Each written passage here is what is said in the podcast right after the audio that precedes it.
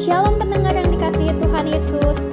Sesaat lagi kita akan mendengarkan pengajaran firman Tuhan yang disampaikan oleh Pendeta Theophilus Maranata. Selamat mendengarkan. Selamat pagi. Selamat kita kembali berbakti dalam kasih dari Tuhan kita Yesus Kristus. Sebelum kita masuk firman Tuhan, mari sebutkan dulu ayat hafalan kita minggu lalu dari Ulangan 30 ayat 15 dan 16.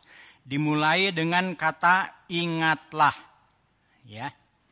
Satu, dua, tiga.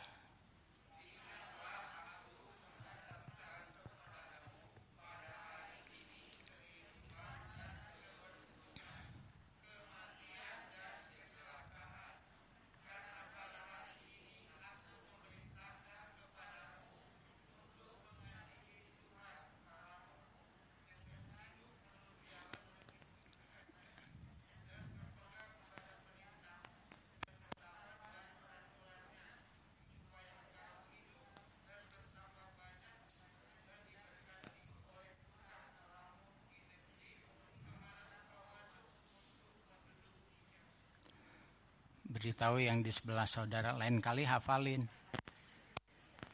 Tadi paling lancar Pak Alex karena dia baca.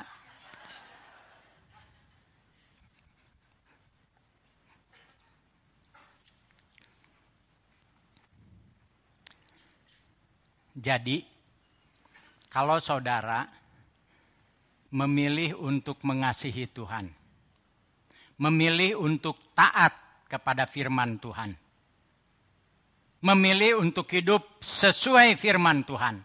Itu sama dengan kita memilih kehidupan dan keberuntungan. Tapi sebaliknya, kalau dalam hidup kita karena ada masalah atau ada sesuatu, lalu kita memilih nggak taat, memilih hidup tidak sesuai firman Tuhan, tapi misalnya berdasarkan keadaan. Ingat, itu sama dengan kita memilih kematian dan kecelakaan. Itu begitu, ya. Jadi supaya kita memilih keberuntungan. Tidak ada cara lain selain di dalam hidup kita, apa saja keadaannya kita tetap mau belajar taat kepada firman Tuhan. Hari ini ayat hafalan kita dari Matius 5 ayat 10. Injil Matius pasal 5 ayat 10.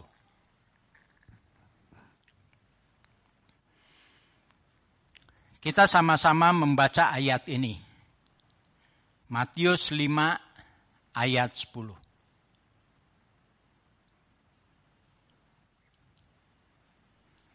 Satu, dua, tiga. Berbahagialah orang yang dianiaya oleh sebab kebenaran karena merekalah yang empunya kerajaan sorga. Tema firman Tuhan hari ini, bahagia walau dianiaya. Tadi kalau ayat hafalannya berkata berbahagialah orang yang dianiaya oleh sebab kebenaran. Artinya apa? Artinya gini, kita berbuat benar. Kita melakukan yang benar. Tapi kita disalahkan. Kita dimarahi. Kita sudah berusaha sebaik-baiknya masih juga kita disalahkan. Nah, bagaimana kalau kita mengalami yang begitu?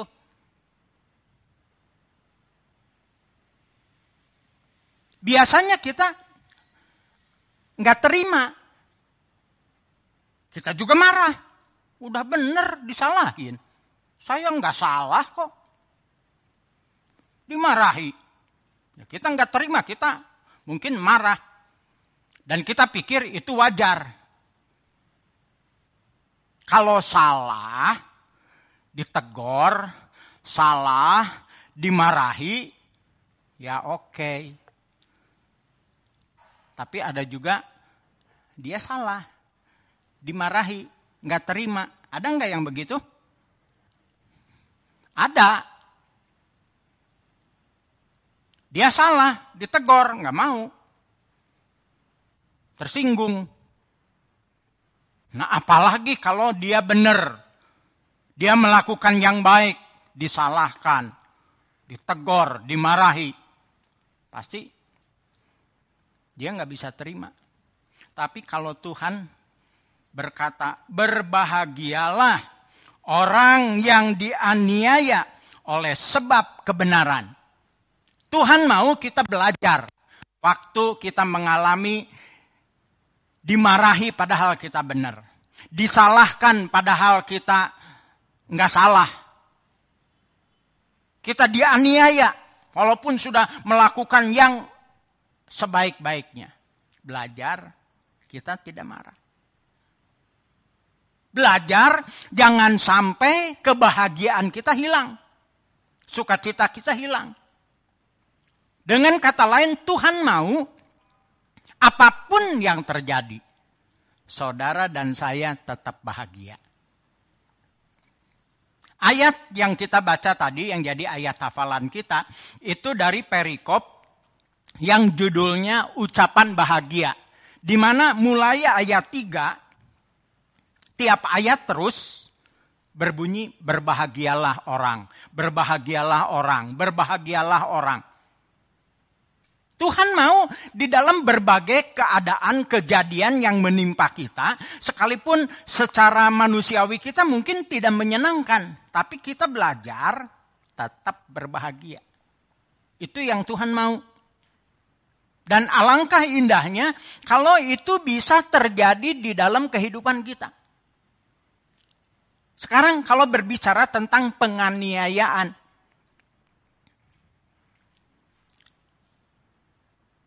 itu sesuatu yang mungkin pernah saudara alami.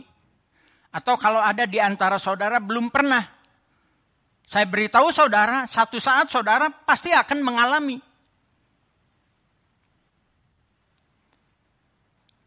Penganiayaan ini bisa bentuknya macam-macam. Bisa secara fisik kita dipukul, bisa bukan secara fisik. Misalnya kita ngalami penolakan, kita ngalami difitnah, kita ngalami dihina, kita ngalami disalahkan, kita ngalami ditegor, kita ngalami dimarahi.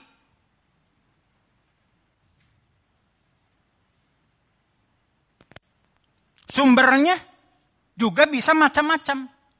Bukan saja sumbernya dari musuh, dari orang jahat. Bisa juga dari orang dekat kita.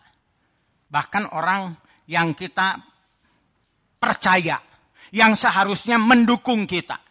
Tapi bukannya mendukung, tapi malah menganiaya. Contohnya misalnya, kalau dari Tuhan Yesus, dia dihianati bahkan dijual oleh Yudas.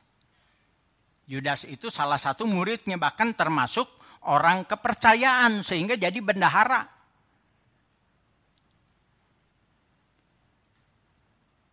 Juga Tuhan Yesus pernah mengalami disangkal oleh muridnya, murid yang termasuk terdekat, Petrus. Menyangkal dia sampai tiga kali.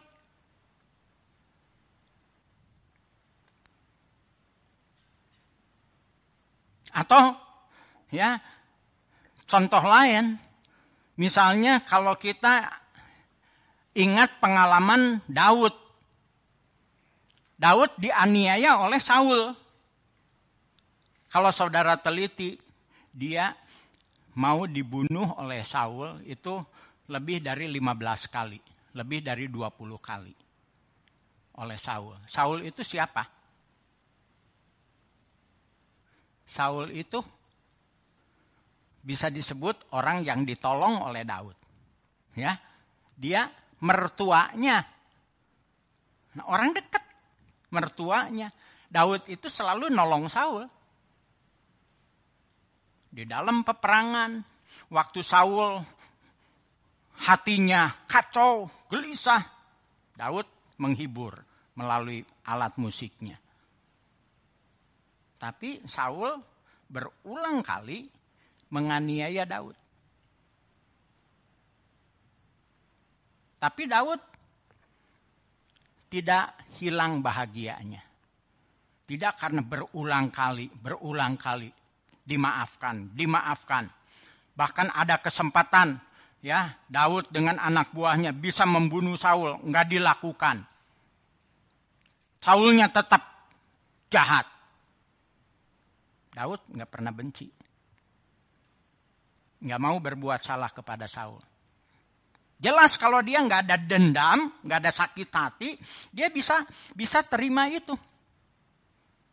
Bisa tetap bahagia.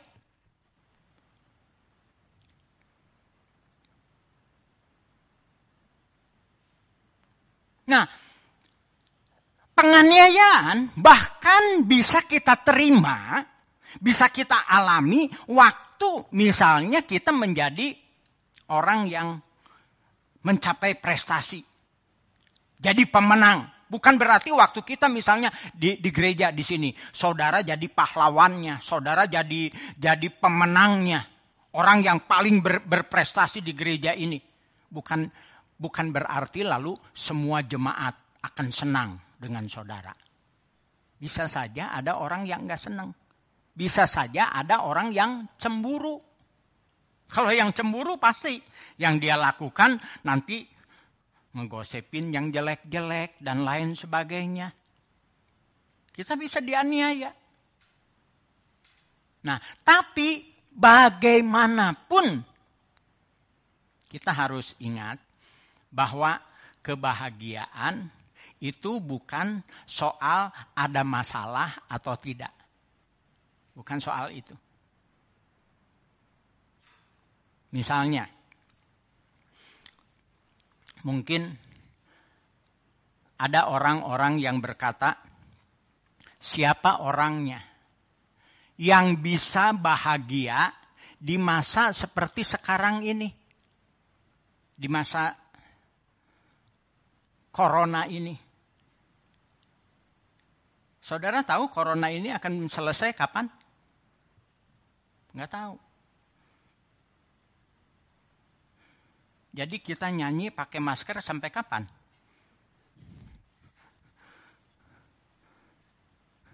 Nyanyinya juga engap. Apalagi nyanyinya yang cepat-cepat. Nyanyi aja susah, Pak Teo.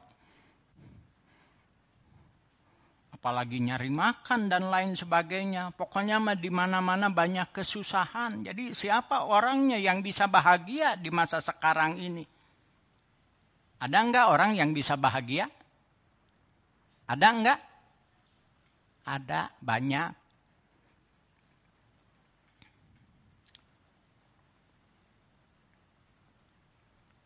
Contohnya, contohnya ya, bahwa bahagia itu tidak tergantung ada masalah atau tidak. Contohnya ayat ini saja, kita nggak usah terlalu lebar, ayat ini saja. Benar, kita benar dianiaya. Tapi Tuhan berkata, berbahagialah orang itu. Jelas, jelas ada orang yang bisa dianiaya juga walaupun benar bahagia. Enggak, enggak masalah biarin aja.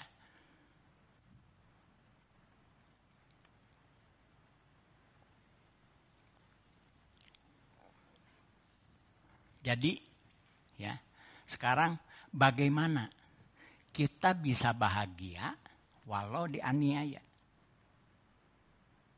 Gimana caranya? Kita lihat yang pertama.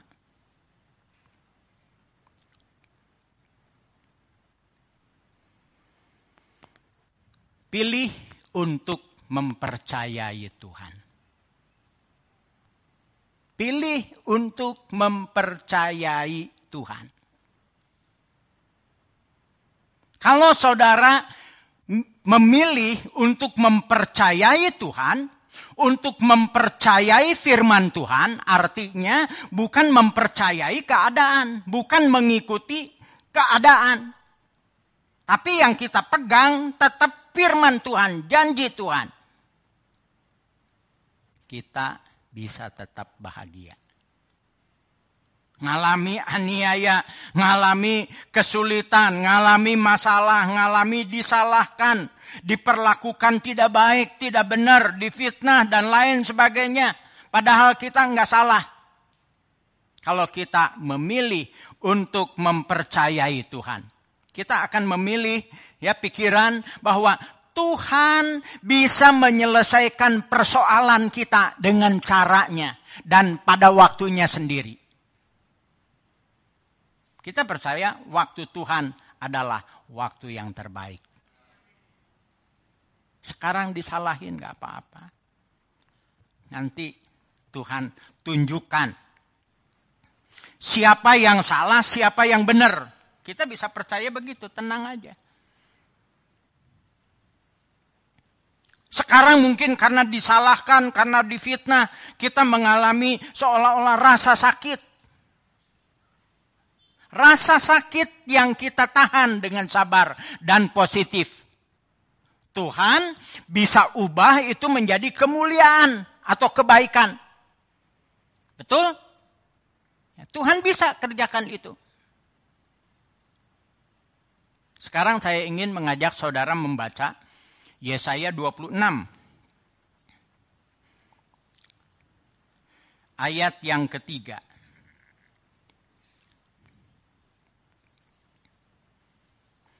Yesaya 26 ayat 3.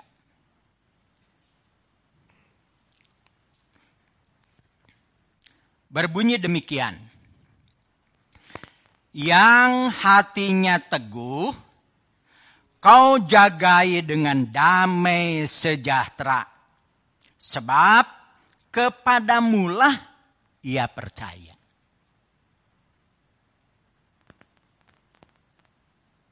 Beritahu yang di sebelah saudara. Kita bisa hidup dalam damai sejahtera. Sekali lagi beritahu yang di sebelah saudara. Kita bisa hidup dalam damai sejahtera.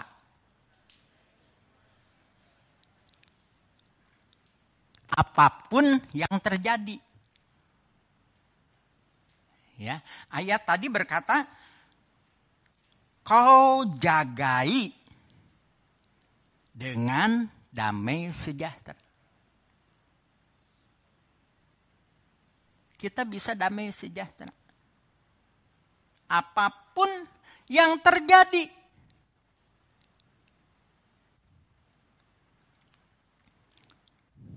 Sekarang, ya sekarang saudara sedang merasa bagaimana? Bagaimana hati saudara sekarang? Sedang damai atau sedang susah? Sedang gelisah atau sedang tenang? Kalau pikiran kita terisinya banyak oleh kekecewaan, kemarahan, masalah-masalah, kebencian dan lain-lain yang yang sama seperti itu, kita pasti nggak bisa tenang. Bahkan mungkin sedang wah bergolak di dalam hati kita.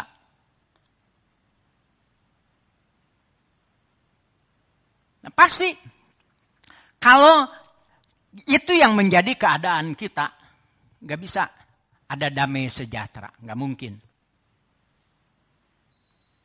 nggak mungkin. Tapi Tadi kalau firman Tuhan berkata, yang hatinya teguh, kau jagai dengan damai sejahtera. Sebab kepadamulah ia percaya. Jadi kalau saudara mau damai, mau ada damai sejahtera, mau? Mau ada damai sejahtera? Caranya, percaya kepada Tuhan. Kalau kita percaya kepada Tuhan, percaya kepada janji Tuhan, percaya kepada kuasa Tuhan, percaya kepada kebaikan Tuhan, percaya kepada kasih Tuhan, hati kita teguh. Ada masalah, tenang. Ya. Kita bisa bisa bisa berkata begitu kepada diri kita, tenang. Hati kita teguh, bisa damai. Bisa sejahtera, bisa tenang. Kuncinya sebab kepada mulah ia percaya. Makin saudara percaya kepada Tuhan, makin kita bisa tenang di dalam hidup ini.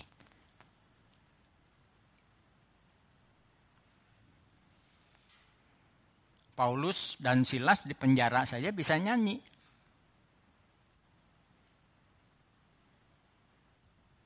Kenapa? Sebab percaya pada Tuhan.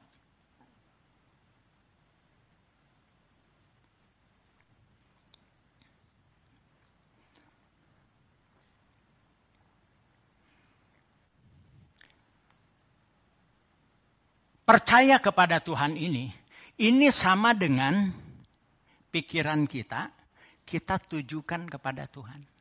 Ya. Jadi kalau kita mau damai, belajarlah di dalam hari-hari yang kita lalui, khususnya apalagi mengalami masalah. Jangan pikiran kita ditujukan kepada masalah. Tapi tujukan pikiran kita kepada Tuhan, kepada firman Tuhan, kepada janji-janji Tuhan. Kalau pikiran kita dipakainya mikirin masalah lagi, pikirin masalah lagi, pikirin masalah lagi, kita makin khawatir, makin gelisah, makin takut. Mestinya nggak usah dipikirin, pikirinnya Tuhan, janji Tuhan, pertolongan Tuhan, kuasa Tuhan.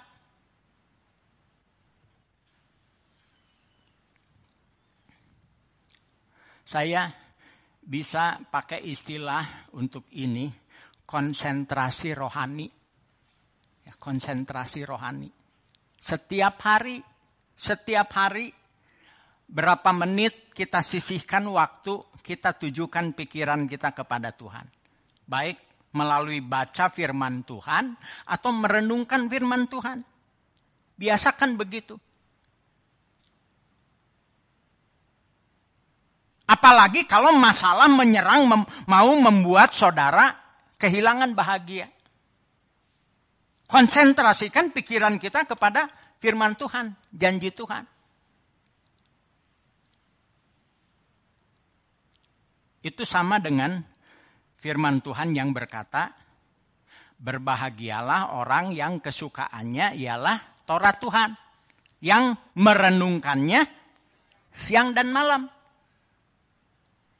merenungkan siang dan malam. Pikirannya ditujukan kepada firman Tuhan, kepada Tuhan.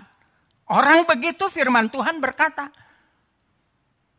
akan beruntung, akan berhasil.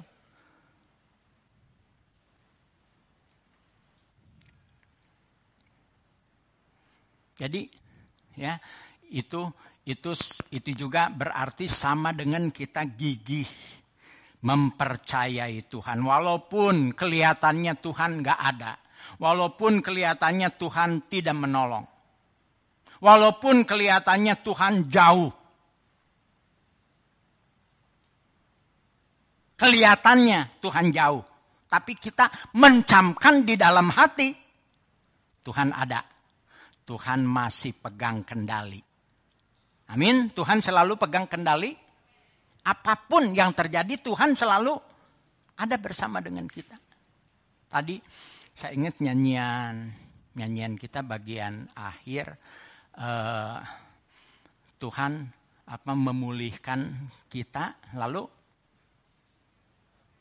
apa menyembuhkan lalu ya menyembuhkan memulihkan lalu kita tenang ya kita tenang bersamamu Bapak Kenapa tenang bersama Bapak? Dia menyembuhkan, dia memulihkan. Tenang, pantas. Kalau saya benar, malah dianiaya. Saya baik, hidup sesuai firman Tuhan, malah disalahin. Malah dihina. Kelihatannya Tuhan nggak ada, Tuhan nggak nggak tahu, nggak nolong, masih bisa tenang. Nah, di situ kita mesti belajar tenang menurut Matius 5 tadi. Belajar tenang. Sekalipun keadaannya begitu.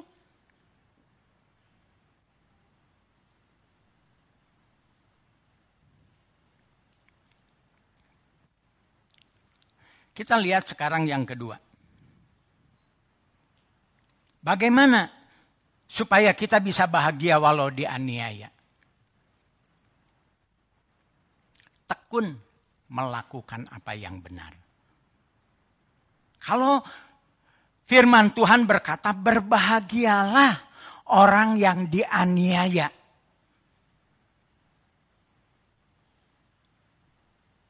Tuhan mau waktu kita benar dan dianiaya, jangan lalu kita berubah.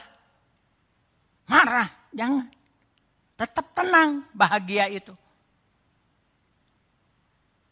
Tetap biasa saja.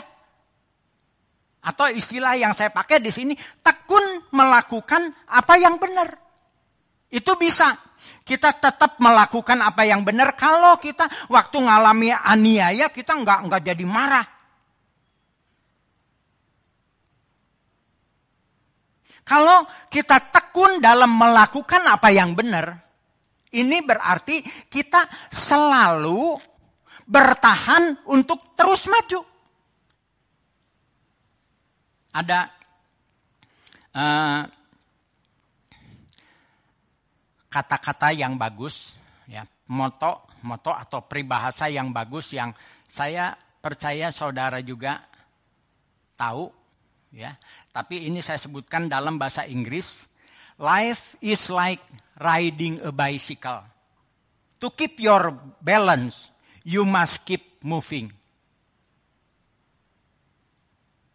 Kita dalam hidup ini seperti naik sepeda. Untuk menjaga keseimbangan kita supaya jangan jatuh, kita harus terus maju, terus bergerak. Kata-kata ini itu dibuat oleh uh, Einstein.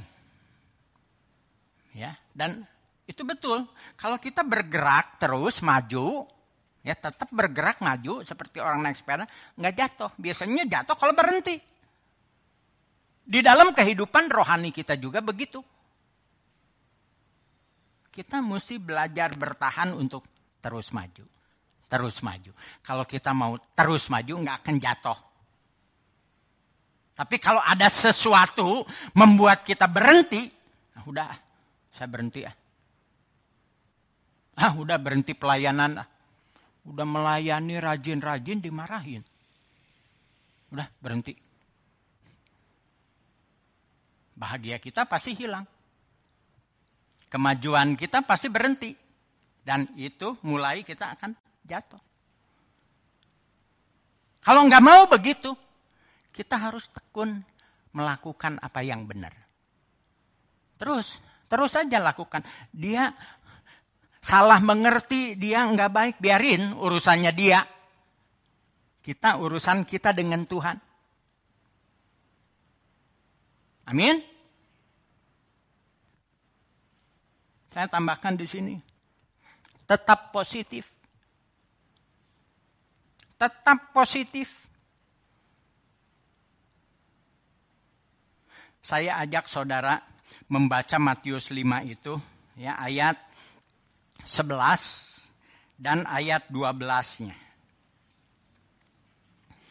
Ayat 11-nya mirip dengan ayat 10 tapi ada tambahannya.